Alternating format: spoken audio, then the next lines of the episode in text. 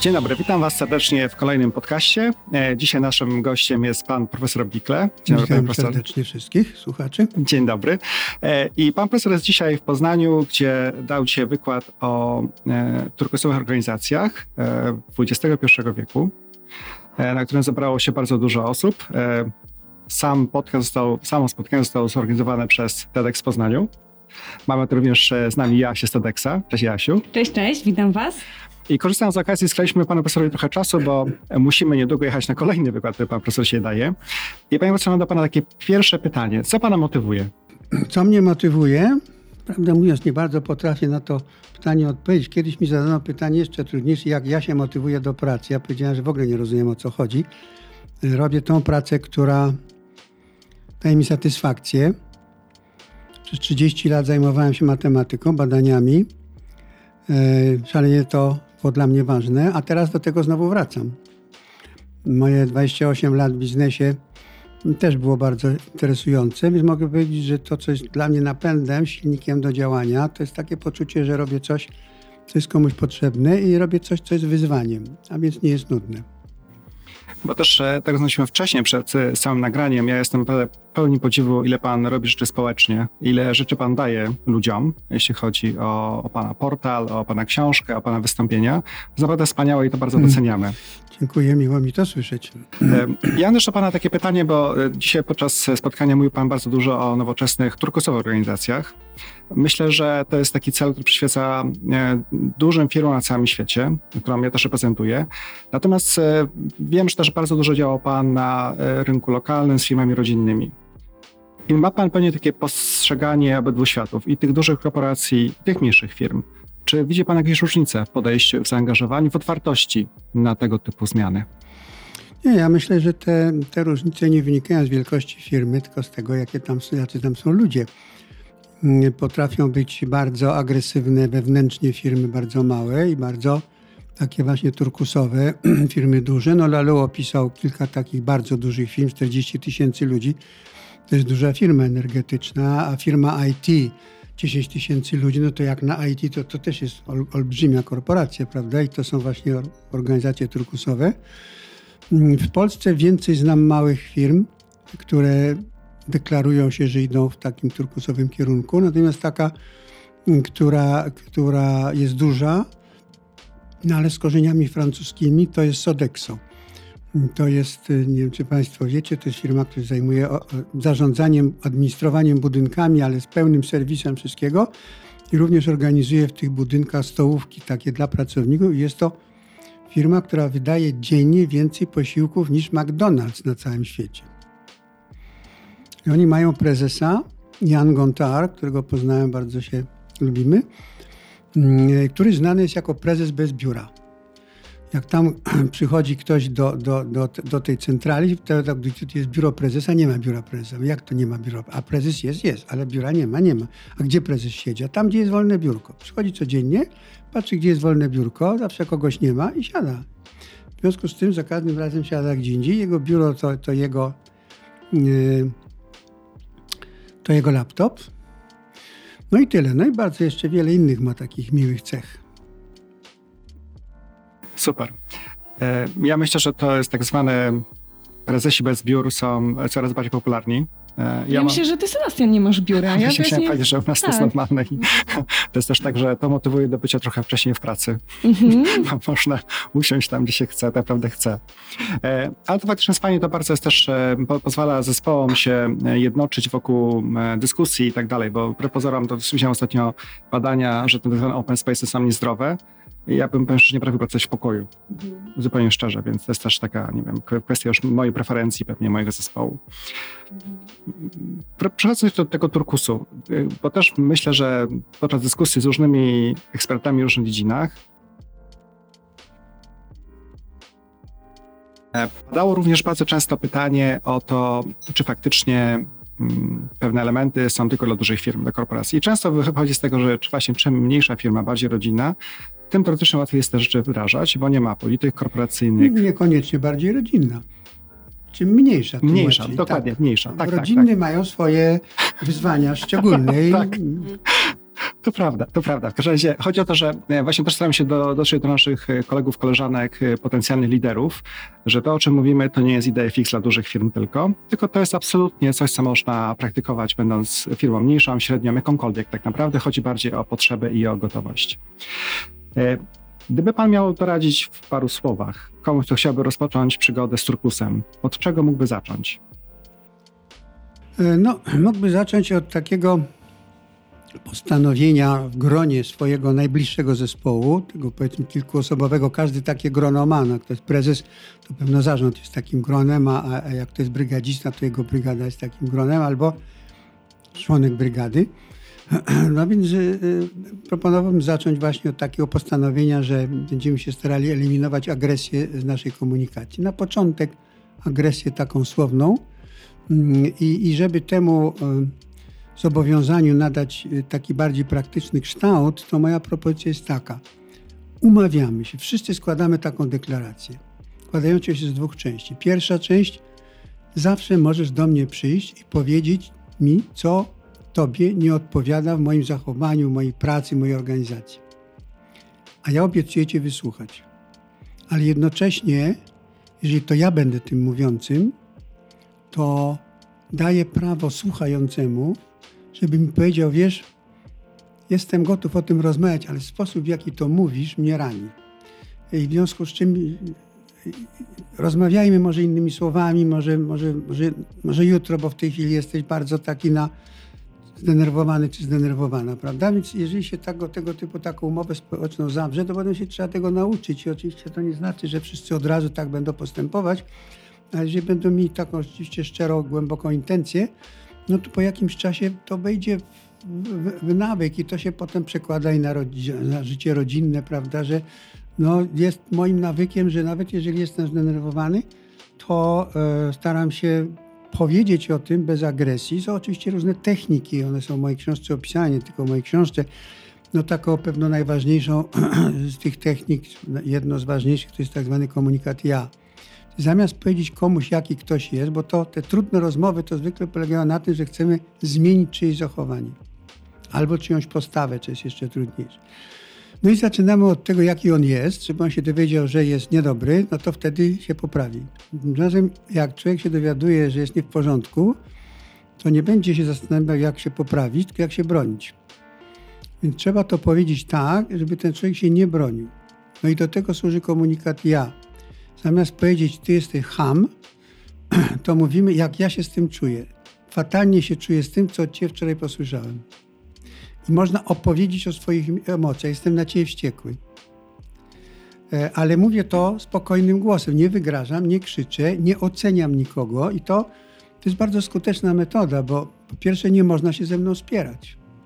Jak ja komuś powiem, e, że jest ham, to on powie, że ja jestem ham. E, a jeżeli komuś powie, że się fatalnie czuję i że jestem na ciebie wściekły, no nie można powiedzieć, że nie mam racji można powiedzieć, nie masz powodu. No może i nie mam, ale fakt biologiczny jest taki, jestem nabuzowany na ciebie i chętnie bym ci tyłek skopał. E, no ale jak uważasz, że nie mam powodu, to porozmawiajmy, może masz rację, to mnie przekonaj. Mogę mieć pytanie też? E, ja mam takie pytanie, dlaczego e, właściwie stosujemy przemoc w, w komunikacji? Dlaczego liderzy, dlaczego liderzy mm, czasami schodzą na taką ścieżkę?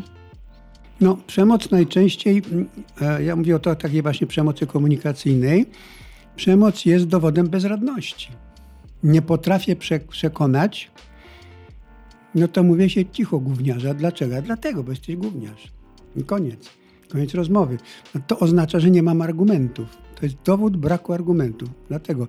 Więc trzeba przede wszystkim być przygotowany na, na mieć tą paletę argumentów, E, zrezygnować z komunikatu ty na rzecz komunikatu ja, czyli nie mówić komuś jaki jest, tylko mówić komuś jak ja się czuję z tym, że jesteś taki i taki. No i przychodzę tutaj z prośbą, żebyśmy coś z tym zrobili, bo to jest niedobre i dla ciebie i, i dla mnie. Ja myślę, że to jest kwestia też po części często dania ludziom jakichś narzędzi, bo na, nawet mówiąc o tym, że jest metoda, którą możesz użyć, jest metoda Foucault na przykład, która mówi fakty, uczucia, komunikaty, oczekiwania, i to ludzie przetrenują dwa razy. E, to spowodowało u nas na przykład to, że ludzie dając sobie informację zwrotną, mówili dam ci fuko, co powodowało tylko tyle, że ludzie zaczęli się do siebie śmiać, mhm. no bo też samo siebie to nazwa jest śmieszna. Mhm. Po czym przechodzili do tej usystematyzowanej wypowiedzi. I to powodowało, co właśnie profesor powiedział, że ona była bardziej o, o, mnie, o uczuciach i oczekiwaniach, czego nie chciałbym usłyszeć, zobaczyć kolejnym razem. Mhm. Także to jest też kwestia też narzędzi i ludzie nawet z dobrymi no intencjami. treningu, treningu każde narzędzie tak, trzeba wytrenować. Tak, dokładnie. I też mieć odwagę taką, żeby w organizacji robić to holistycznie, żeby to dotykało wszystkich, a nie tylko z, tak. menadżerów, no bo wtedy ci nie, oczywiście. pracownicy nie rozumieją w ogóle, co się dzieje. I żeby nie zrobić z tego nowomowy. To jest też strasznie ważne. Nowomowa oznacza, że ludzie zaczynają tak trochę mechanicznie powtarzać pewne takie zbitki frazeologiczne e, i wszyscy mają poczucie, że nikt w to nie wierzy, tylko tak trzeba mówić. Tak się kiedyś mówiło ze Związkiem Radzieckim na czele, prawda? Nikt, nikt tego nie brał poważnie, ale to trzeba było powiedzieć po prostu i tyle, no więc... Panie profesorze, może e, takie pytanie jeszcze, bo to też może powiem za chwileczkę, dlaczego o to pytam. Czy ma pan jakieś swoje ulubione postacie bohaterów guru, od których pan czerpie? jeśli chodzi o turkus i o zarządzanie organizacją? No, jeżeli chodzi o turkus i zarządzanie, no tym pierwszym moim takim nauczycielem to był Jim Murray, brytyjski e, trener, który przyjechał do Polski w roku 80, 96 chyba.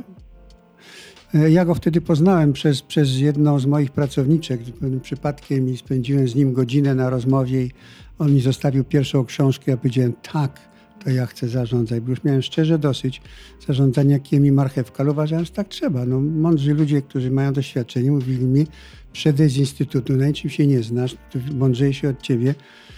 No to, no i tak się wygłupiałem przez 6 lat, więc to był taki mój pierwszy bardzo, bardzo, bardzo ważny dla mnie nauczyciel. E, no potem były oczywiście książki różnych autorów, ale z takich osób E, z krwi i kości, e, no to niewątpliwie profesor Marek Kosewski, który napisał znakomitą książkę Wartości, godność i władza. Dlaczego uczciwi kradną, a złodzieje unoszą się honorem. To jest to, co dzisiaj mówiłem na temat właśnie tych potrzeb godnościowych i tych, i tych, e, tych wzorców zachowania się od niego nauczyłem i, i, wiele z nim pracowałem, bardzo wiele się nauczyłem. No i nauczyłem się bardzo też wiele od małżeństwa Jakubowskich, moich przyjaciół. To są właśnie przyjaciele, którzy założyli y, firmę, organizację TROP. To jest skrótem od Trening Rozwoju Organizacji Przyszłości. Oni prowadzą takie bardzo Mm, bardzo profesjonalne warsztaty psychologiczne. Prowadzą zresztą szkołę trenerów i szkołę coachów. E, dwie takie szkoły, które są zarejestrowane przy Polskim Towarzystwie Psychologicznym. Naprawdę bardzo takie, no tak bardzo, bardzo wysoki profesjonalizm. Ja z nimi, no, są moimi takimi partnerami, nazwijmy to w tym biznesie edukacyjnym. Super. Mam takie pytanie jeszcze, ponieważ się też podczas spotkania TEDxowego było o, o też trochę zmieniającej się roli liderów e, i samych organizacji. Kim według Pana, jaką rolę ma teraz lider organizacji takiej turkusowej? No więc turkusowej przede wszystkim tych liderów jest wielu. Nie każdy musi być liderem, ale każdy może być liderem. Musi sobie znaleźć liderem turkusowej organizacji, oznacza liderem wiedzy. Nie liderem, który rozstawia ludzi po kątach, albo decyduje o urlopach, albo decyduje o premiach, tylko człowiekiem, który coś wie, umie, do którego ludzie przychodzą się dowiedzieć. Dowiedzieć się nie co mają zrobić, bo to wiedzą od swojego klienta zewnętrznego lub wewnętrznego, tylko jak to zrobić. No i trzeba wiedzieć, co się takiego umie, co ma takiego możemy zaoferować. Wtedy możemy być tym, tym liderem wiedzy, ale możemy być równie dobrze moderatorem, czyli osobą, która pomaga e, ludziom w rozmowie, czy nawet zespołowi w rozmowie i Mm, myśmy wprowadzili taką formułę do kół jakości. My to znaczy razem z, z Tropem prowadziliśmy i myśmy to nazwali inkubatory jakości.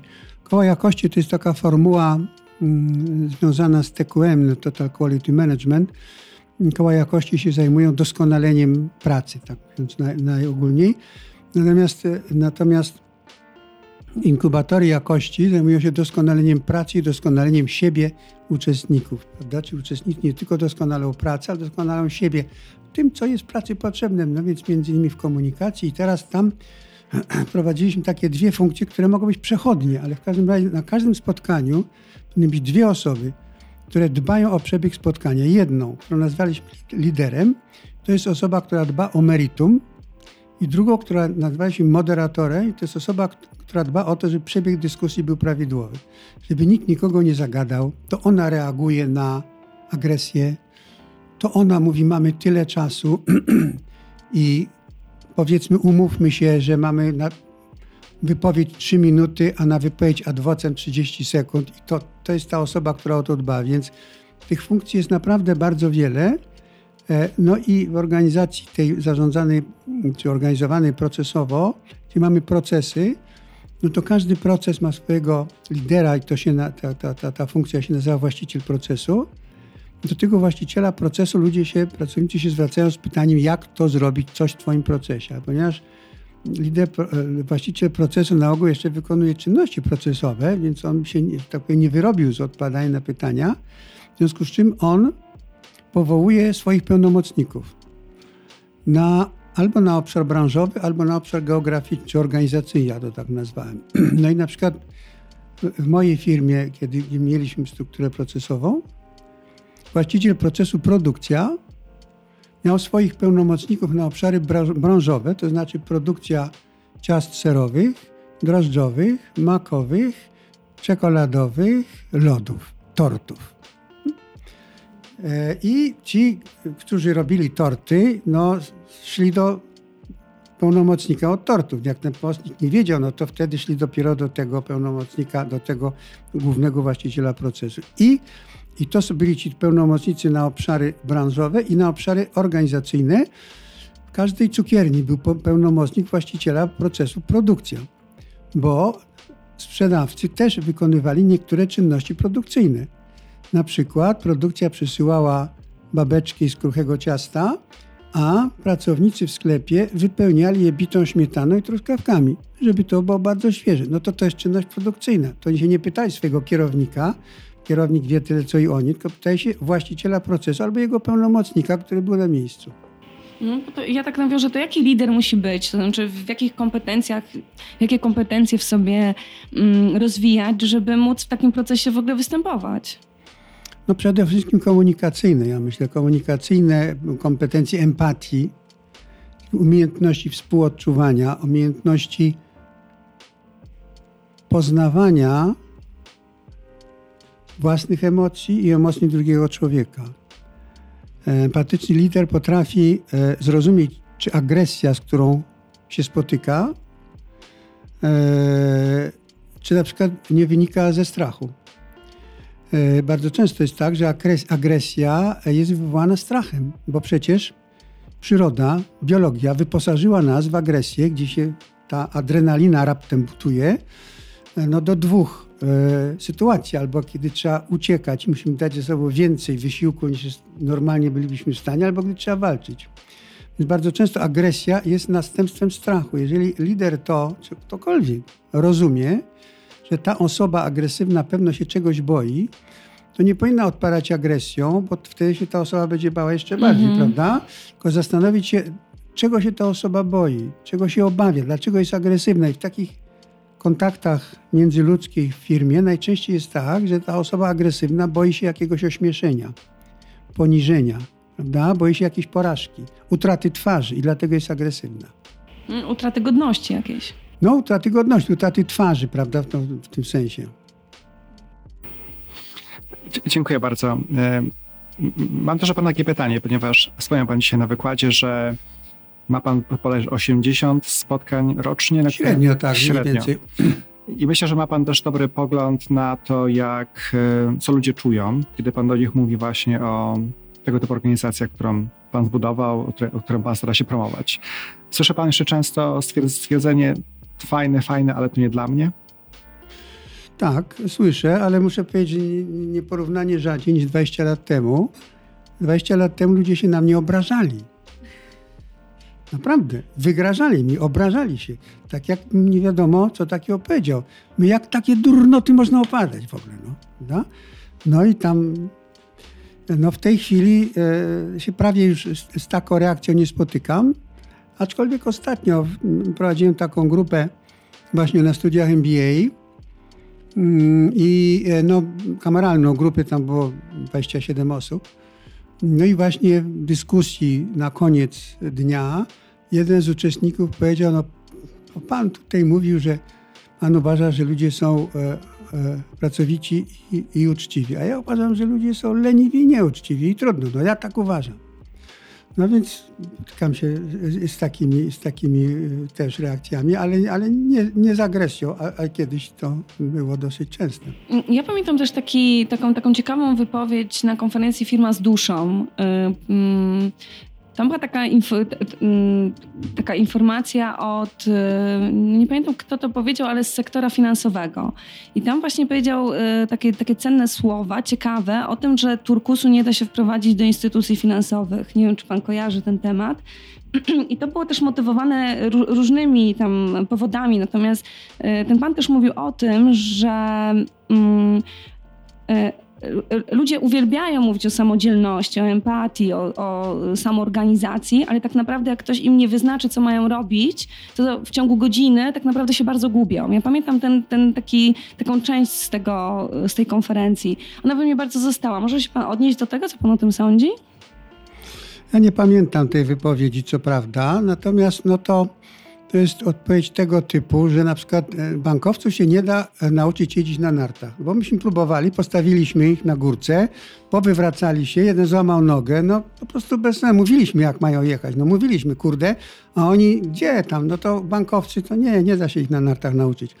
No więc no to się oczywiście bierze stąd, że ktoś próbował, to znaczy powiedział, ma być zaufanie od poniedziałku i odpowiedzialność. No, i żeby mi tu nikt nie podskoczył, prawda? E, no i oczywiście godność człowieka jest bardzo ważna, głupi gnoju. No i nie wyszło, no to, no to w banku się nie da.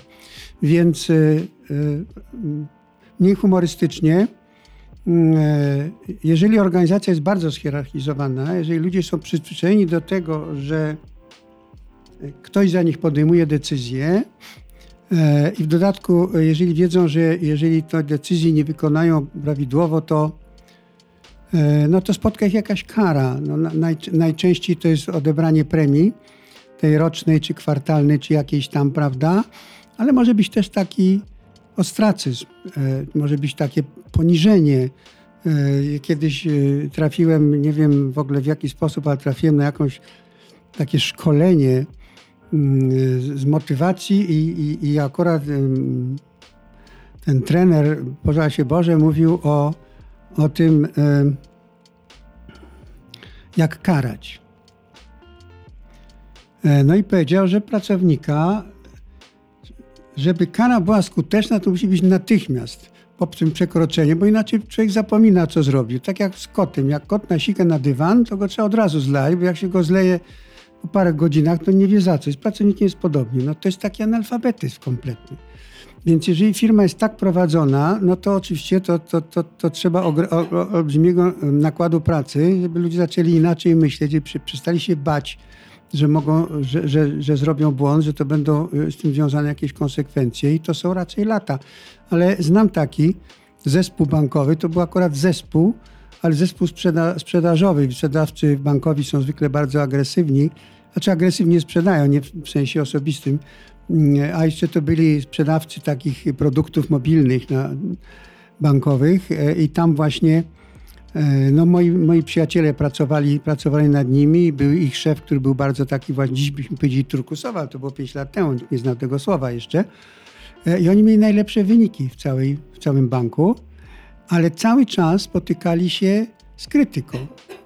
I ci inni kierownicy innych zespołów mówili, ale ty źle zarządzasz, no słuchaj, to bezchołowie takie.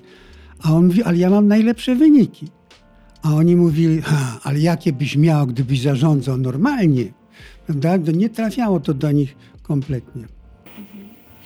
Dokładnie, że określenie czegoś normalne, nienormalne to jest dość, powiem szczerze, również śliski temat. No bo my jesteśmy normalni, nienormalni tak. ci, Niesamowite. Znaczy, bo my też bardzo dużo, myślę, że wpędziliśmy czasu i pracy nad różnorodnościami. No i ona to jest, różnorodność w Polsce traktowana jest często trochę z perspektywy preferencji seksualnych. Kiedy my mówimy tak naprawdę, że dzisiaj chyba największą różnorodnością w Polsce do zadresowania jest tak naprawdę różnice wiekowe gdzie w organizacjach mamy już teraz naprawdę dużo osób, które w wieku, tak z Igą rozmawialiśmy e, w jednym z podcastów o milenialsach i oczekiwaniach tej, tej grupy wiekowej, e, które są absolutnie różne od mojej grupy wiekowej. W sensie nawet pytanie o, że było pytanie o, o twojego guru albo o twojego, e, o twój role model jakiś, prawda? I to w ogóle, to co jak ja rozumiem to, to pytanie, a jak rozumiem to Iga, to było zupełnie inne tak naprawdę. Też pana pytałem wcześniej o panę, jakieś właśnie osoby, do których Pan sięga, bo dla nas jest naturalne, że jest to osoba, e, a dla młodych osób jest to często grupa. Są to jest to rodzina, są najbliżsi. nie, no to tak, oczywiście. To ja akurat mam osoby. Dokładnie. I ja myślę, że to po, po części chyba też mo, mo, moje pokolenie cały czas jeszcze myśląc o, o, o guru, czy myśląc o kimś, kto jest dla niego wzorcem do naśladowania, myśli jednak o pewnej osobie. Tak, ale tutaj muszę powiedzieć, że mamy taką grupę przyjaciół, sześciu, e, z którymi się znamy między 50 a 60 lat. Niektórymi nawet troszkę dłużej. Się raz na rok spotykamy. E, na tydzień. E, to jest dla nas niezwykle ważne i to jest też takie, no dla każdego z nas jest to takie wsparcie. Jesteśmy bardziej jak bracia, bo brata się nie wybiera, a myśmy się w jakiejś mierze wybrali. No mamy te powiedzmy 50-letnie wspólne doświadczenia. Mm, wszyscy to są, to są wszystko Polacy, ale mieszkający po całym świecie. Zjeżdżamy się w jednym miejscu i to jest dla nas bardzo ważne, takie spotkania. Te relacje absolutnie są też istotne. Ja mam też przyjaciela, którego mieszka w Poznaniu. Ja go widziałem ostatni rok chyba, ostatni raz, raz chyba rok temu. Ale dzwonimy do siebie chyba codziennie. To jest właśnie też osoba, gdzie jak mam do przegadania jakiś temat, to bezpieczna osoba, do której, której dzwonię i pytam się, co myślisz. Mm, ale to jest też ciekawe, że wszyscy potrzebujemy tak naprawdę więzi i bycia w tych więziach, że tak naprawdę bez takich e, spotkań, bez takiego, e, bez takiej wymiany myśli jesteśmy po prostu w totalnym tunelu i to, to, jest, to jest dla mnie niezwykle ważne. Jak ktoś mi mówi, że nie ma czasu na przyjaźń na przykład, albo nie wiem, jest tylko praca ważna, to mi się zawsze włącza taki alert. To tak, jak nie mam czasu na dbanie o zdrowie, no życzę tak. bardzo, będziesz krócej żył. Mm-hmm. to prawda. Mm-hmm. A tak a propos guru, jeszcze chciałabym dopytać, dlatego że teraz jest mnóstwo e, coachów od turkusu. Tak, to nie Naprawdę, słyszałem. tutaj gdzieś jakieś książki turkusowe, tak trochę um, pana wykład był taki no, bardzo głęboki dla nas. My sobie po imieniu mówimy, nie? E, a właśnie, to muszę tutaj... A to co, to na antenie to nie można? Aha, to, to, to muszę zdradzić jedno, to, zapy- to mam pytanie. Dlaczego tak. jak po imieniu to jesteś Jacek, tak. a jak nie po imieniu to jesteś pan profesor Andrzej? Tak, bo ja jest, nazywam się Andrzej Blikle, na imię mam Jacek. Aha. E, no i to jest taki, jest to pewnego rodzaju test. E, ale ja w rodzinie byłem Jacek, wśród przyjaciół byłem i jestem Jacek. Mhm. Natomiast podpisywałem moje, moje prace naukowe zawsze jako Andrzej. No i tak zostało. Ojciec chciał, żeby było A, żeby pasowało do Ablikle, a Aha. mama chciała, żeby był Jacek, więc jestem Andrzej Jacek. To Jacek, bo my um, trochę na ten tur. Ja, ja, chciałam też e, to nasze dzisiejsze pierwsze spotkanie e, zacząć od tego, że trochę ten turkus czasami jest tak spłycany. Ma być miło, ma być fajnie. Ten, I właśnie dlatego prezesi różnych firm, czy prezeski różnych firm mówią, a nie, to się to nie da, bo to jakby nie chodzi o to, żeby zawsze było miło. No pewnie, że nie chodzi, zgadzam się. No właśnie, i teraz y, wśród no, nawet wczoraj chyba zwróciłam uwagę na to, że jest, są eksperci 20 czy 30-letni, yy, znaczy nie z 30-letnim doświadczeniem, tylko takim życiowym doświadczeniem, nawet mają 30, którzy są no właśnie ekspertami od, od turkusu. To myśli, myślisz, no, że to jest możliwe? Znaczy ja, ja, myślę, że to jest całkiem naturalne zjawisko, ponieważ turkus nie jest dobrze zdefiniowany mhm. e, i każdy może o sobie powiedzieć, że jest, że jest specjalistą od turkusu, a na tym się w tej chwili zarabia. To jest modne. To jest bardzo niebezpieczne. Ja też uważam, że bardzo niebezpieczne, niebezpieczni są ci coachowie, którzy skończyli tam tygodniowy kurs, ale przeczytali jedną książkę i są coachami. To jest niebezpieczne dlatego, że można wiele krzywdy zrobić tej osobie, bo osoba przed coachem się zwykle no, przychodzi z jakimiś problemami, otwiera się, prawda? Ma zaufanie to zaufanie można po pierwsze można zawieść, a po drugie coach nie ma prawa nikogo naprawiać. Od naprawiania to jest terapeuta. I tak jak moi przyjaciele, właśnie psychologowie z tam 20-30-letnim doświadczeniem klinicznym, w tej chwili jak prowadzą coaching, to oni wiedzą, kiedy można wejść w terapię, ale oni potrafią tą terapię realizować. Natomiast ktoś, kto nie potrafi, może narobić naprawdę strasznie, pokaleczyć emocjonalnie tą drugą osobę. To jest niezwykle niebezpieczne. Ja bardzo jestem przeciwny temu, żeby właśnie takie osoby, ale nie ma na to, e, nie jest potrzebna żadna licencja, żeby, żeby być coachem, jak potrzebna licencja, żeby być e, lekarzem. Natomiast podobna sytuacja, w tej chwili trochę mniej, ale no, za moich młodych lat, podobna sytuacja była w informatyce. No każdy, kto pisał jakiś program, był informatykiem. Facet skończył muzykologię, to jest fantastyczną oczywiście wiedzą, bardzo dla mnie cenną, ale potem programował w jakimś basicu i mówił, ja jestem programista. I, nic nie można było zrobić. Inżynier nie ma prawa podpisać projektu garażu, jeżeli nie ma uprawnień. A programista może wszystko zrobić, co chce. No w tej chwili to się środowisko to zaczęło oczyszczać, no ale z turkusem jest w tej chwili tak samo, tak jak z programistami 30 lat temu. A jak twoja książka właśnie na, też w tych tematach? Czy już Która mamy, książka? no tam właśnie matematyczna i Tak. tak. taka właśnie, gdzie postawiać ona, takie ona jest w cele? tej chwili w czytaniu no, u takich moich najbliższych e, znajomych, więc to tam kilkanaście osób to czyta. Dzisiaj właśnie w pociągu wprowadzałem poprawki, e, które mi e, zasugerował zresztą mój e, były student, najlepszy, pewnie no, jeden z kilku najlepszych, który w tej chwili jest prorektorem na uniwersytecie. E, Bardzo, bardzo zdolny. E, No i e, w grudniu będę miał pierwsze seminarium na ten temat. A w przyszłym tygodniu jestem umówiony na próbę montowania jakiegoś zespołu, bo chciałem taki zrobić turkusowy zespół, który by się tym zajmował. Informatycy to i to też tutaj twoja działka. To można by było pewnie coś połączyć. Ja tu widzę, że tu można połączyć kropki, słuchajcie. O tak. Mhm. Połączenie Mhm. kropek powoduje powstanie grafu. O, Graf może być skierowany lub nie, a także spójny lub nie. y, Teoria grafu bardzo ważny dział matematyki. to ja też chciałabym połączyć tam kropki w takim razie. To proszę bardzo. Bardzo chętnie. Moi drodzy, ja przepraszam, że ja, ja jestem organizatorem tego spotkania, ale muszę je niestety kończyć z wami, ponieważ powiedzieliśmy panu profesorowi, że dowieziemy pana na kolejny wykład na czas. Także panie profesorze, dziękuję, dziękuję serdecznie za, za czas, za poświęcenie, za, za, za rozmowę. Ja się również za pytania i za wsparcie tutaj. Ja bardzo dziękuję, naprawdę uwielbiam was, uwielbiam was słuchać. Fajnie też, że jest Iga z nami, bo my cały czas jesteśmy w zespole, trochę GSK, trochę TEDx, zawsze to się ze sobą łączy. No tutaj w Poznaniu myślę, że to jest bardzo mocne.